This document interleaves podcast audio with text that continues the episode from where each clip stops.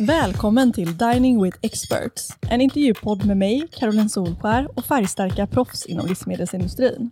Jag har alltid haft ett stort intresse för mat och näring och 2022 tog jag äntligen steget och startade mitt eget foodtech startup, Nuverica. Nuverica har digitaliserat regelverk inom livsmedelsindustrin och hjälper matproducenter att vara både kreativa och compliant. Som entreprenör har jag ofta spännande samtal med olika branschexperter för att lära mig mer om hur vi kan göra industrin bättre och mer framtidssäker. Nu vill jag bjuda in dig till de här samtalen så att du också kan få ta del av de lärdomar som dessa experter delar med sig av. Så slå dig ner vid middagsbordet. Nu kör vi! Desirée Lundberg har en passion för att driva systemförändring med fokus på matsystemet och grundade därför startupet Naima som omdefinierar fikat för framtiden. Desirée har en bakgrund inom varumärkesutveckling, bland annat från El Taco Truck och den innovativa byrån Homage. Välkommen Desirée! Tack snälla, jättekul att vara här. Ja, superkul att du är här och jag tänkte att vi ska börja med att prata lite om vad tusan framtidens fika är. Jag älskar att du säger vad tusan. Ja.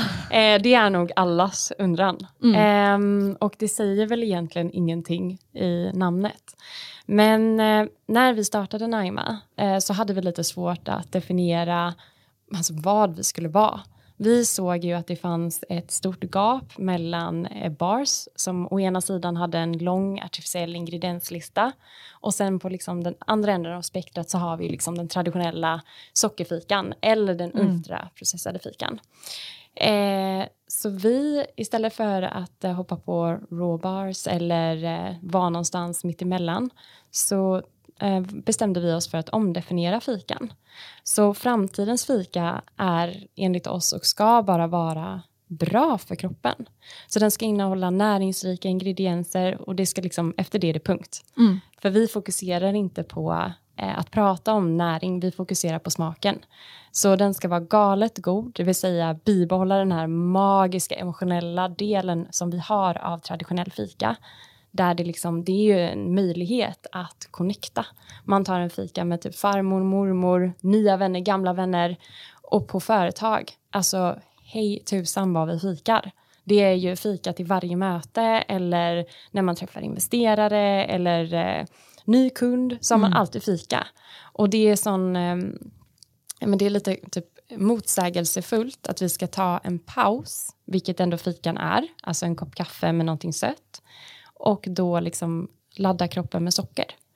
Det gör ju bara att man blir trött eh, och, och liksom lång sikt så mår man ju inte speciellt bra av varken eh, snabba, för mycket snabba kolhydrater eller för mycket socker. Mm. Eh, så det är Naimas liksom fundament. Och hur är det, för jag tänker att Alltså när man gör någonting helt nytt som ingen har gjort innan så har man ju visserligen både en fördel i att man är liksom, ja, men ensam spelare mm. men det innebär ju också att man måste liksom utbilda sina konsumenter och, och lära dem. Ja. Hur, hur stor del har det varit liksom i vad, vad ni gör? Men jag skulle säga att det är en jättestor del. Eh, och jag håller ju med dig. Det är ju en liksom bless and a curse. Mm. Eh, vi pratar jättemycket om vad fundamentet med Naima är. Det vill säga att, som, en, typ som jag nämnde, att det bara ska vara bra, men är fokus på smaken. Så varje gång, liksom, vi har ju valt att köra mycket event med eh, våra ja, men, kunder. Mm. Eh, och det är ju just för att säga, liksom så här, få chansen att prata om produkten. Den är ju otroligt, eh, jag vet inte för er som inte har sett våra produkter så kommer de ofta i färg. Eh, så våra tre första produkter kommer i blå, gul och rosa. Så de själva fångar ju folk. Mm. Men så folk är väldigt så här, oh, vad är det här? Men då kommer ju också första frågan så här, är det här nyttigt? Är det här någon ny sån här rå grej? Ja, det är veganskt va, eller hur? Och då brukar jag alltid skjuta bort det, eh, eller vi brukar alltid skjuta bort det och säga, eh, ja men provsmaka. Mm. Det smakar väldigt, väldigt gott.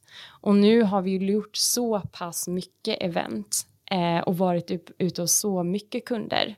Och när vi, typ, eh, som när vi började på Johan och Nyström, vi håller ju fortfarande event för dem, som nu när vi lanserar kanelbullen innan kanelbullens dag, då är det också sampling eller liksom att stå och prata med folk och engagera folk, för det känns som att folk verkligen vill veta. Men precis som du säger, alltså tröskeln i att få ut produkten, den är, alltså jag skulle säga att den är brutal. Mm. Eh, det är liksom, sätter man bara ut ett fat, eh, då är det inte speciellt många som tar. För att man är ju, man är nyfiken men man är inte så, man är också försiktig. Mm. Så att eh, mycket, liksom, mycket, mycket, mycket utbildning. Mm. Eh, vilket jag i och för sig tycker är, alltså det är ju den andra delen av Naima. Att driva systemförändring via maten vi äter. Och jag tror att idag så överflödas vi av information från alla håll och kanter. Eh, och vi vet inte riktigt vad vi ska äta, eller det är i alla fall det som människor upplever, att det är ett brus. Eh, och sen så finns ju alltid liksom dåliga alternativ tillgängliga. Så jag tror också att det för oss är det väldigt, väldigt viktigt. Eh, det är betydelsefullt eh, att liksom driva den förändringen och vara den delen. Men det är tufft och är liksom min eh, co-founder Sofie som är mest ute hos liksom, företagskunder hon har ju mycket, mycket, mycket arbete att göra. Ja, alltså det är ju verkligen precis som du säger. Jag tänker på just det här med alltså så här, sticka ut ur bruset. Och liksom, för mm. det finns ju både jättemycket liksom, produkter man tävlar mot, men sen så tävlar man ju bara liksom generellt mot folk, alltså mot folk uppmärksamhet. Att så här, ska man ta ja. en fika eller ska man sätta sig och scrolla på TikTok? Liksom? Ja. Lite så också. Det är sant. Ja, vad gör ni tycker du? Eller liksom, vad tycker du är de viktigaste delarna för att så här, sticka igenom, alltså komma igenom bruset och verkligen nå fram till folk? Det är nog alltså, den här dialogen. Mm. Alltså, mouth, word of mouth är väldigt starkt för oss. Och jag tror generellt på eh, alltså den delen. Jag tror att i en väldigt liksom digital värld eh, och en, som du säger, konstant brus där eh, uppmärksamheten pockas hela, hela tiden så tror jag att samtalet blir väldigt, väldigt viktigt. Mm. Eh, för många längtar också efter att connecta och bara för att liksom typ så gå tillbaka till vad fika egentligen är så är det ju en paus. Mm. Och vissa tar en med, liksom meditativ paus men en fikapaus kan ju också ge en någonting väldigt eh, gott både för hjärnan och eh, för ja, men typ kroppen om mm. man nu väljer framtidens fika till exempel. Eh, så mycket dialog skulle jag säga. Ehm, vi, sen så har vi ju valt att eh, på liksom, storytelling eh, och sättet som vi kommunicerar på är ju lite edgy. Vi fokuserar inte jättemycket på produkten utan vi är ett livsstilsvarumärke så när man går in på vår Instagram till exempel så pratar vi, vi pratar om produkten men det är väldigt mycket liksom, information och bilder om hur du kan använda produkten som en del av din livsstil. Mm. Så eh, det tror jag är liksom framgångsfaktor. Ja, men det makes sense. Och um, just när det kommer till kommunikation och så, för du och jag har ju känt varandra i en herrans massa år. Ja. Go way back. Och jag tycker att det är roligt att vi båda liksom hamnat i livsmedelsindustrin på visserligen helt olika sätt, men att vi ändå ja. liksom, vi, för att vi båda har liksom, liksom, ja, men, drivs av samma saker och så hittar vi olika sätt att liksom, eh, ta oss dit. Mm. Och, och, sen så har ju du och jag pratat mycket om Naima på senare tid just när det kommer till kommunikation. Ja. Eh, och jag tänkte att vi ska prata lite om det här med just när man har så mycket att säga om sin produkt för att man vet hur bra den är, men ja. när det samtidigt krockar med vad man får säga. Ja. Eh, så, så det är ju någonting som ni har råkat ut för och som väldigt mm. många bolag oavsett storlek råkar ut för. Yeah. Och därför så tänkte jag att här, det är någonting som är intressant att prata om, mm. just för att liksom lyfta problematiken runt det. Mm. Just att så här, det är så krångligt att veta vad man ska säga och mm. speciellt så här, när man är ett litet bolag. Ja. Så jag tänkte så här, vill du berätta lite om den här processen för er och vad, liksom, vad som hände? Vi fokuserar ju liksom på innehållet, precis som du säger, och det vill man ju prata om, alltså det vill säga våra typer bottnar som vi är så otroligt stolta över som gjorda liksom på riktig mat, alltså mm. bovete och havre. Och sen själva toppingen som är gjord på cashewnötter och så har vi valt att addera superfoods. Mm. Eh, och det kan ju vara då amla, hibiskus eller rödbetspulver eller ashwagandha och sånt är ju inte, det är ju inte, jag skulle inte säga att det liksom är mainstream i Sverige, det finns ju bara superfoodpulver. Eh, och där har ju vi liksom kommunicerat innehållet. Eh, och man vet ju, eh, och det här liksom, eftersom att man måste vara vetenskapligt eh, liksom lagd såklart, eh, om man ska hålla sig inom lagens ramar. Sen kan jag personligen tycka att det är vad heter det, ganska det är lite förlegat. Eh, och Mm. det är nästan konstigt att man är så pass hårt reglerad i vad man får stejta om innehållet. Mm. Men det är ju såklart positivt ur en annan bemärkelse eftersom att eh, konsumenter ska ju såklart ha rätten att inte bli lurade. Och det vet jag att vi båda två alltså, har haft en eh, vi har ju haft typ en livlig debatt om det här sen vi pratade om veganism och att eh, inom världen av veganism så är det mycket statements och så vidare. Eh, så att vi, när Livsmedelsverket eh, gjorde sin första kontroll på oss så var de väldigt så här, okej men ni behöver eh, liksom downregulate eh, hur eran ton är. Och de var till och med så specifika att eh, det liksom hur man uttrycker sig eller vilken ton man har eh, spelar roll. Mm. Vilket, eh, alltså, vi har full förståelse för det. Eh, och samtidigt så tycker jag att det är, är man blir lite så här, okej men de produkterna som vi har i, de är ju sen, alltså, välbeprövade och har använts i tusentals år. Så man vet ju väldigt mycket om hur mycket antioxidanter det är i. Eh, och den problematiken har ju liksom ni på Nurika eh, löst. Så att man eh, kan börja använda sig av tjänster som är enklare. För där behöver man ju, dels behöver man ju vara livsmedelskunnig. Så vi har ju livsmedelskunniga på Naima som eh, ja, men då ser över produkterna och sen så behöver man ju börja eh, ja, men typ prata om vilka typer av antioxidanter man faktiskt ska prata om. Så att det blir liksom rakt och tydligt. Mm. Och vi pratade ju om att vi, ja men då skulle man ju kunna lägga in det i eran tjänst. Du får ju gärna eh, heter det, dela mer av eh, hur den fungerar. Men det förenklar ju processen väldigt mycket för annars så är det ju eh, väldigt kostsamt. Mm. Du skickar ju antingen din produkt då på livsmedelsanalys. Där kan man ju välja vad man vill kontrollera för. Eh, så jag skulle säga att eh, problematiken med strikta lagar och regler är ju verkligen tvåfaldigad. Den är ju fantastisk för att det är bra att det finns en stark kontroll och samtidigt så blir det så här det här är jättebra ingredienser. Är det så my- himla mycket bättre att det är tillsatser i alla andra produkter? Och där har man ju istället en... Alltså lagens ram säger ju istället då hur mycket tillsatser det får lov att vara. Medan vi har ju bara fokuserat på att innehållet ska vara bra. Mm. Så då borde vi ju kunna kommunicera alltså, kring det.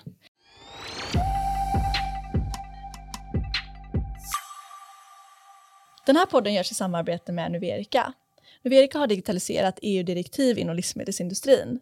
Och om du är en livsmedelsproducent som tycker att det är både krångligt och tidskrävande att förstå hur du ska kommunicera och märka dina livsmedelsprodukter så gå in på www.nuverica.com och läs mer om hur vi kan hjälpa dig.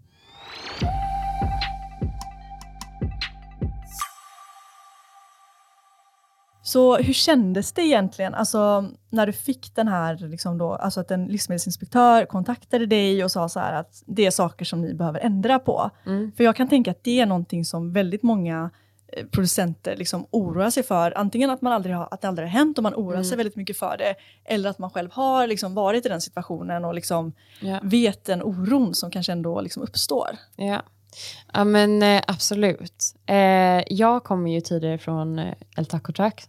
Så jag har varit med om det här sedan tidigare. Inte på den nivån eftersom att det här är vårt bolag. Mm. Så jag som också liksom vd bär ju ansvaret för vad vi gör. Ehm, och det är klart att man funderar ju som alltid på vem det är som ska komma. Men, eh, nej men eh, ja, ja, det är nog som allt annat. Eh, en, eh, jag såg det som en learning. Och det är nog så här, vårt mindset är att alltid gå in med det, den tanken. Mm. Om att bara lära sig. Man kan bara bli bättre. Och jag tror att det gör att man blir väldigt mycket mer betryggad eh, i sådana situationer. För att eh, ja, alltså, det här vet ju du också. Alltså man är ju ovissheten som entreprenör. Den är liksom, den är där hela tiden. Varje, varje sak man gör är ju ny. Mm. Du har ju aldrig gjort den här saken förut. Så det är också, tycker jag, jätteviktigt att påminna sig om. Jag tror det här relaterar kanske väldigt mycket till kvinnor. Vi är väldigt så här, duktiga på att säga till oss själva att vi ska kunna allt med en gång. Alltså speciellt innan vi har gjort det. Så det tycker jag är väldigt, väldigt viktigt att påminna sig om. Men det är klart jag var absolut nervös Mm. och gick eh, runt med henne på lagret och visade upp produkterna. Men eh, ja, det, feedbacken man får är ju också så här, okej, nej men eh, vi förstår, nej men vi kommer justera de här och de här eh, sakerna. Eh, och sen så var det ju egentligen inte så mycket mer med det. Mm. Ehm, Ja men det är ett samtal liksom, att då är det så att de först hör av sig och säger Mm. att de vill komma och göra en inspektion och sen så kommer de och ja, går tillsammans med er och liksom pratar Ja. och ställer frågor typ. Ja, Mm. exakt. Så den behöver man inte, jag tycker inte man behöver oroa sig så mycket. Nej, Och sen det är så mer får ett man- samtal. Ja, och sen så får man ju feedback eh, via mail och telefon. Och sen så kan man ju göra eh, så objections om man känner att det här är inte rättfärdigat. Mm. Ehm, så jag tycker att de, de hanterar det så som man upplever att en, ett, en statlig myndighet skulle göra Mm. egentligen. Ja, och sen är det ju också, tycker jag, väldigt liksom beundransvärt från ert håll att ändå så här bara okej, nu händer det här, då tar vi tag i det och löser det. För jag kan ändå tänka att man också skulle kunna liksom hantera det så himla dåligt. Alltså antingen bara vägra lyssna eller bara, jaha, då var det här över. Alltså, så här. Ja men det är väl det här med så här, så här progression not perfection. Som det är bara så här, happ, då var det nästa. Ja. Jajamän, då får vi kika på det här. Yes, då gör vi om. Okej, vi kan inte göra det här. Nej, men då får vi göra det här. Mm. Och jag tror att när man lever i det, eh, ja men på riktigt, eh, lite som att man kastas upp och ner och om man kan finna sig i kaos, då blir man väldigt duktig på entreprenörskap tror jag. Ja, och det är väl det som blir alltså, problemet just att så här, det finns saker som är vedertagna som Mm. man har bestämt att så här, så här får man säga och så här får man uttrycka sig. Och det blir ju problem när man försöker göra någonting nytt. Mm. När man försöker skapa en förändring, när man skapar produkter som liksom är innovativa. Ja. Och det blir ju så motsägelsefullt att å ena sidan så har vi liksom hur ja, men, myndigheter och regeringen och liksom alla liksom, stora beslutsfattare liksom pushar för att så här, Sverige ska vara ett innovativt eh, land och vi ska komma på nya innovationer och vi ska också bli ett hälsosammare land där liksom, Mm. våra, eh, våra liksom, alla som bor här ska vara häls- liksom leva ett hälsosamt liv. Mm. Och samtidigt så har man så mycket regelverk som sätter käppar i hjulen. Mm. Eh, så jag förstår verkligen den frustrationen att så här, man står där och bara, men vad fan. Ja. Och en sak som jag tror att så här, jag, eller liksom, jag vet att många, speciellt mindre bolag, undrar över, det är just det här när det kommer till ja, men labbrapporter. Ja. För det är väl någonting som ni har gjort nu typ precis jättenyligen? ja, om du tänker på att skicka iväg till Precis. livsmedelsanalys. Ja, precis. Vi gör allt egentligen inhouse. Eh, så våran fabrik eller i eh, Stockholm gör allting för oss. Eh, och vi, de skickar allting på livsmedelskontroll. Så jag är ju ganska glad att vi inte behöver vara en så stor del av den processen. Däremot så är vi med och påverkar ja, men, vilka, vad som ska testas. Mm. Och eh, jag tycker ju att det är en kostsam process. Ja, Så precis som du säger, man vill ligga steget före. Ehm, men då behövs det också ganska mycket ja, kapital för Mm. att eh, konstant ligga och vara innovativ, vilket stora bolag har råd att göra. Eh, och för oss så blir det ju mer att man får välja vad man vill eh, kontrollera för. Alltså det vill säga, nu pratar vi ju ner på mikronutrientnivå. Mm.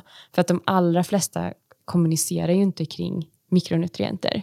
Men Naima vill ju driva en förändring kring att kosten inte bara innehåller protein typ, eh, och fett och kolhydrater. Mm. Utan vi vill ju också utbilda eh, kring huruvida produkter är liksom bra för, när, liksom för kroppen ur ett mikronutrientperspektiv. ja. Så den processen är liksom ongoing och eh, vi får väl nog se vart vi Ja. landar där. Vi får ju konstant frågor från, vi har ju också en del startups som är våra kunder och som frågar just det här, men hur gör vi då om vi ska liksom, skicka in det här på labb och få resultat? Och Ja. det är liksom, det, bara det i sig verkar ju vara sån himla cirkus. Liksom. Ja, det är ett stort projekt, Mm. 100 procent.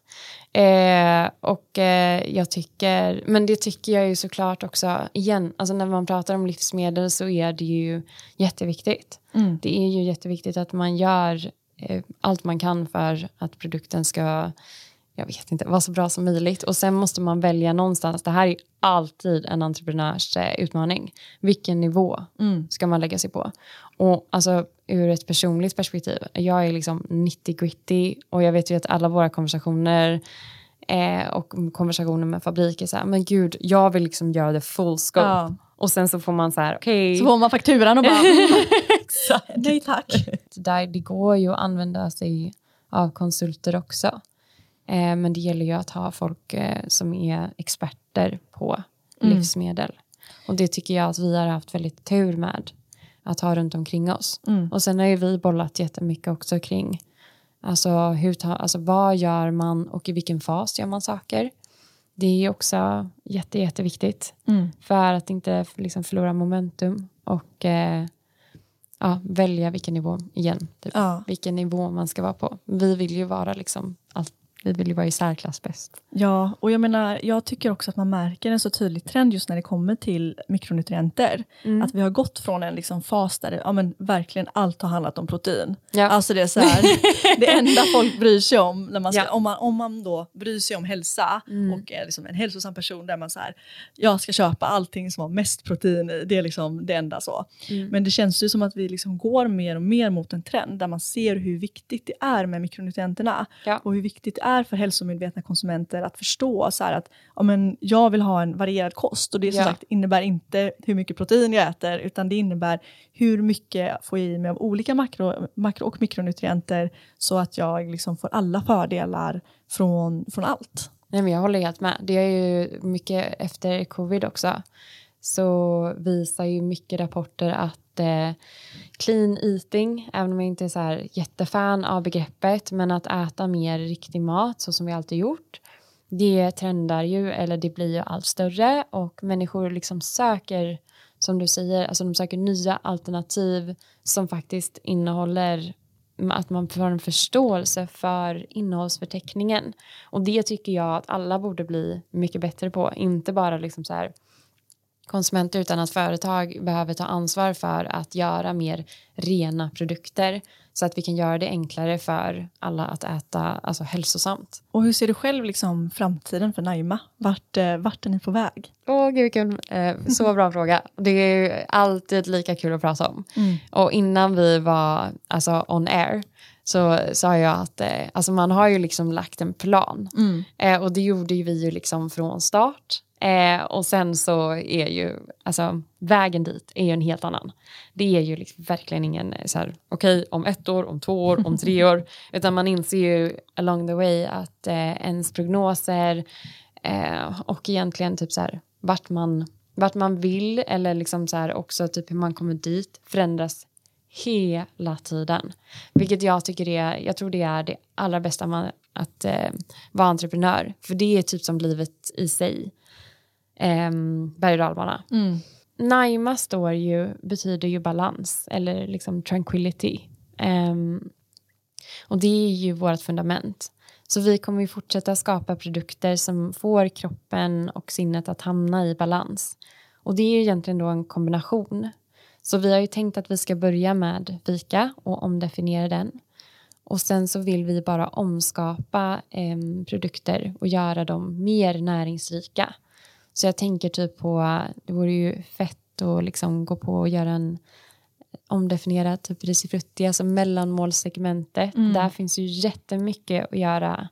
Em, inte bara liksom fil och müsli. Ja, vi pratade ju också om frukost precis innan här, Ja. att omdefiniera frukost. Ja, och det går ju också, det finns ju hur mycket sådana liksom on the go alternativ som behöver eh, uppdateras Mm. och göra då mer näringsrika ur ett mikronutrientperspektiv. Så eh, det tillsammans med att fortsätta att bygga vårt community kring mindful eating är stora målet. Och vad är mindful eating för den som inte vet det? Mindful eating tror jag traditionellt sett eh, handlar om att vara mer närvarande. Mindfulness står ju för den närvarande stunden. Um, och det tillsammans med mat kan få en att bli mer närvarande när man äter. Dietkulturen som vi liksom har levt i nu de senaste vadå, 50 åren har ju gjort att vi fokuserar väldigt mycket på mat och planering kring mat när vi inte äter. Och så när vi väl sätter oss ner och äter då kanske vi sitter framför tvn eller vi tar ett samtal, man är på jobbet och liksom jobbar samtidigt. Och då har man ingen närvaro när man väl äter, vilket ofta stressar kroppen. Mm. Och bara bygger på egentligen stress, eh, ja, stressfaktorer. När man äter så är tanken att eh, ja, man börjar med, det här är Naima då i alla fall. Anledningen till att vi har eh, byggt våran typ logga och våra produkter i färg. Det är för att vi tänker att man sätter sig ner, man börjar med att se färgerna Eh, och observera dem och fundera på om maten man har framför sig nära den eller kanske har gjorts liksom av någon i all hast. Eh, och också liksom försöker använda maten som verktyg för att connecta till sig själv först men också till omvärlden. För jag menar alla ingredienserna i en produkt kommer ju någonstans ifrån.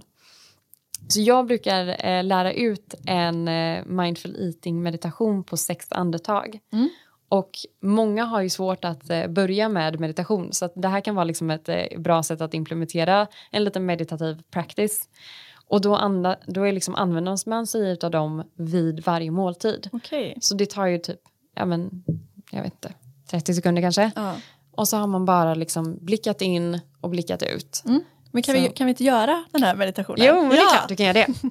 Okej, men som för alla meditationer så börjar vi med att sätta båda benen i golvet. Du kanske redan sitter så? Nej, jag sitter ju Nej. Ja, men, jag sitter ju jämt med liksom, ena benet över Mm, i liksom ja, kors. samma här. Ja. Eh, och liksom bara börja känna in stolen under oss. Mm. Och du får jättegärna sluta ögonen. Vi båda kan göra det. Jag gillar ju att sluta ögonen. Så i de tre första andetagen så fokuserar man då inåt på kroppen. Eh, och i de tre sista andetagen så fokuserar man på det man istället har framför sig. Och nu har ju vi ingenting framför oss. Utan vi får föreställa oss någonting. Så du får gärna föreställa dig om du har valt den gula, blåa Den eller... blåa, Ja. Magiskt. Ehm, så vi börjar med att ta ett djupt andetag in. Mm. Och andas ut. Och bara reflekterar över hur vi känner oss i kroppen just nu. Och andas in. Och vad som än kommer till oss just nu, andas ut. Låter vi bara vara där. Och kanske känner vi oss stressade. Eller om vi är lugna. Oavsett så sitter vi med det tillståndet som vi befinner oss i just nu. Och vi andas in igen. Och nu fokuserar vi istället på vad vi har framför oss. Du ser färgen, du funderar på om det här har tillagats med kärlek eller om någon har vispat ihop det här i all hast. Andas in. Och i det sista andetaget nu så skänker vi bara en tacksamhet till att vi har mat framför oss. Andas ut.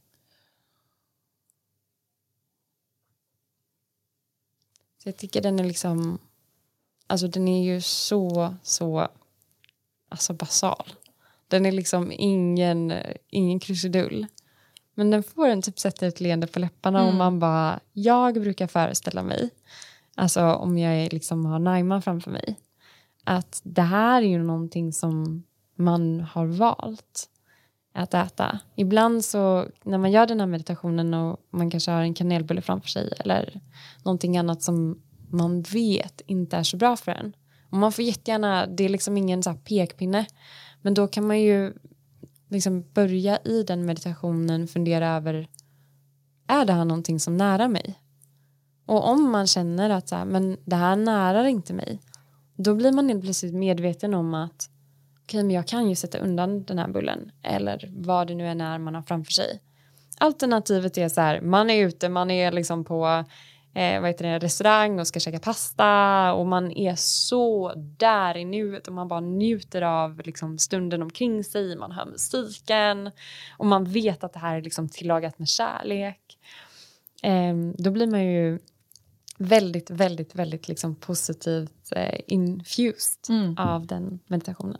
Ja men verkligen. Och precis som du säger, jag menar att äta en, en vanlig kanelbulle i sig är ju inte dåligt, utan det Nej. handlar ju mer om så här, i sådana fall, skänker den, skänker den mig glädje? Ja, skänker ja. den mig liksom näring i form av lycka eller liksom Ja. så också? Men att man faktiskt tar den tiden och tänker efter och inte bara alltid liksom kastar i sig allt som jag har en tendens att göra. Att liksom, Jag tror alla. Ja. Jag, insåg, jag hade så här um, Invisalign som är en så här tandställning. Ja. Eh, och när man har den, man tar ut den varje gång man ska äta så man kan liksom Mm. inte äta med den i. Nej. Och då insåg jag hur mycket jag äter medan jag går. För att Ah. helt plötsligt så var det så att varje gång jag skulle äta, jag bara, nej men, nej, men det går det inte. så då var jag verkligen så här, bara, oj jag äter alldeles för mycket på språng. Insåg Ah. jag då. Så det var en lärdom från att ha Invisalign. Om man vill ha den. Man, Tips. eller hur? Ja. Eh, och jag tänkte Ja. en annan sak nu när vi ändå liksom pratar lite mer om, ja, men, om mindfulness och sådana saker. Mm. En sak som du har sagt till mig är ju så här att mitt fundament ligger i yoga och att jag har ett mindset likt en fighter. ja. Vad innebär det? Yoga eller yogi betyder ju att vara connectad med världen. Det betyder ju union. Eh, och jag känner verkligen att mitt fundament ligger i att vara connectad. Det är det jag trivs bäst i. Jag känner mig som mest närvarande när jag är i samtal. Ehm, eller såklart i yoga practice, men det behöver inte vara det. Utan för mig så är det bara att vara connectad med omvärlden. Ehm, så jag gillar inte att hänga så mycket på socials. Men, ehm, och sen mindset av fighter. Jag tror att det, det bara sitter i ryggraden att eh, alltid pusha for, liksom framåt. Eh, och eh, min eh, ja, men, thaiboxningstränare lärde mig för ett år sedan ehm, att liksom inkorporera ett mantra som är day one, not one day. Mm. Och det är så här, varje dag är en ny dag. Och det, den intentionen sätter jag också varje morgon. Så det blir liksom den här eh, kombinationen av att känna sig connectad med omvärlden samtidigt som man går in i ett mindset av att så här, det är bara att fortsätta. Man Mm. fortsätter konstant, alltså oavsett vad som kommer till en. I fighting, också jag kör ju thaiboxning, då måste du anpassa dig och du måste vara närvarande.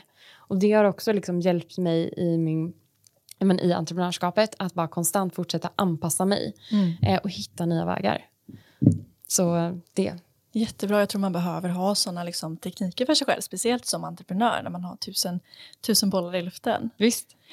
Eh, jag tänkte att vi ska börja runda av, eh, men en fråga som jag vill ställa innan vi gör det, eller jag kanske har i alla fall två frågor, men en Ja. av dem, det är just då, nej men, om man är en, liksom, antingen en person som redan är entreprenör, redan kanske har sitt liksom, eget livsmedels, liksom, livsmedelsprodukt som då är en hälsosam produkt. Man vet så här, jag har skapat det här för att jag vill skapa liksom, hälsosamma, bra produkter för Ja. mina konsumenter. Mm. Eller om man kanske bara har en, en dröm om, om, om att starta sitt eget startup inom det här området. Ja.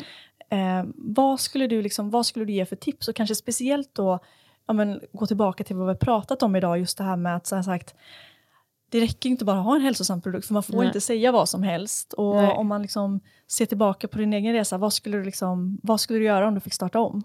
Jag generellt är ju mer, alltså, och jag tror att vi som team också på Naima är väldigt mycket fail fast. Mm. Alltså att man gör mer än man tänker. Eh, om jag hade fått göra om någonting och just kopplat till det här, då är det väl att man från start definierar vad, eh, ja, men exakt vad man ska fokusera på. Det kan ju bli, göra vägen framåt väldigt mycket enklare. Vi har ju valt att vara alltså, ganska breda. Och det ligger liksom i linje med Naima som fundament, det vill säga det som vi pratar om också, att det är en livsstil. Det blir ju väldigt, eh, det finns en tendens att fokusera som, som vi också pratade om, att så här, nu är det proteinhets, nu är det kanske enzymhets, men det gör ju det väldigt mycket enklare. Så om man från start har en tydlig definition av vad man vill fokusera på eh, med produkten, då, det skulle jag säga förenklar hela processen. Och att tidigt eh, faktiskt ha mentorer omkring sig. Så jag vet att du hjälper mycket liksom, människor omkring dig. Eh, och, det, och du har ju varit liksom, i entreprenörssammanhang i väldigt många år och har en bred kunskap. Så det är väl också att här, tänka på att eh, ha ett gäng människor omkring sig som är dels experter på områden och speciellt när det kommer till livsmedel. Det, är, det finns ju en uppsjö eh, av liksom, saker man behöver tänka på. Mm. Eh, men också ha eh, lite mer eh, bred kompetens. Och det är ju, alltså, du är utbildad kostvetare eh, eller dietist och har ju också ett eh, bolag vid sidan av som är liksom ett techbolag. Så du är ju ett typiskt bra exempel på en sån person som man... Nu har bara alla hoppar på Karo. Jag sitter här och bara, Ring "Åh, Karo stopp." för hjälp. ja men man behöver sådana människor i, alltså, omkring sig också. Mm. För du kommer någonstans med ett helikopterperspektiv ju. Eh, och det tycker jag har varit väldigt viktigt att ha liksom, den typen av kompetens. Mm. Både in-house men också omkring sig som kan hjälpa en framåt. Och sen när det gäller just den här alltså startgrejen. Där alla säger ju samma sak, det är bara att börja. Bara börja någonstans. Och jag vet att jag tyckte att det var väldigt svårt att ta till mig. Vadå bara börja någonstans? Vi visste ju vad vi ville göra och började leta efter produktion. Och det var ju som ett svart hål.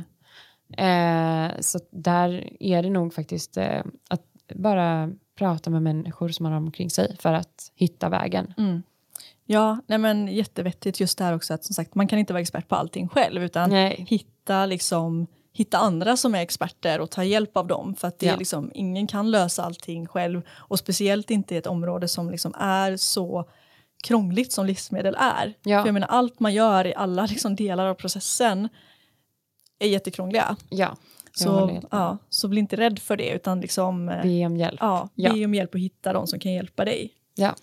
Det tycker jag var jättebra tips. Så tusen tack Desiree för att du var med oss här idag. Tack själv, jättekul.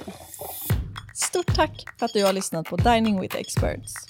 Om du vill följa eller ge en kommentar om eh, vad du har hört i podden så kan du följa oss på våra sociala kanaler. Vi heter attnuverika överallt, både på LinkedIn, på Instagram och på TikTok. Om du vill höra fler avsnitt så finns vi där poddar finns och du kan även se videoinspelningar av avsnitten på Youtube. Tack så mycket!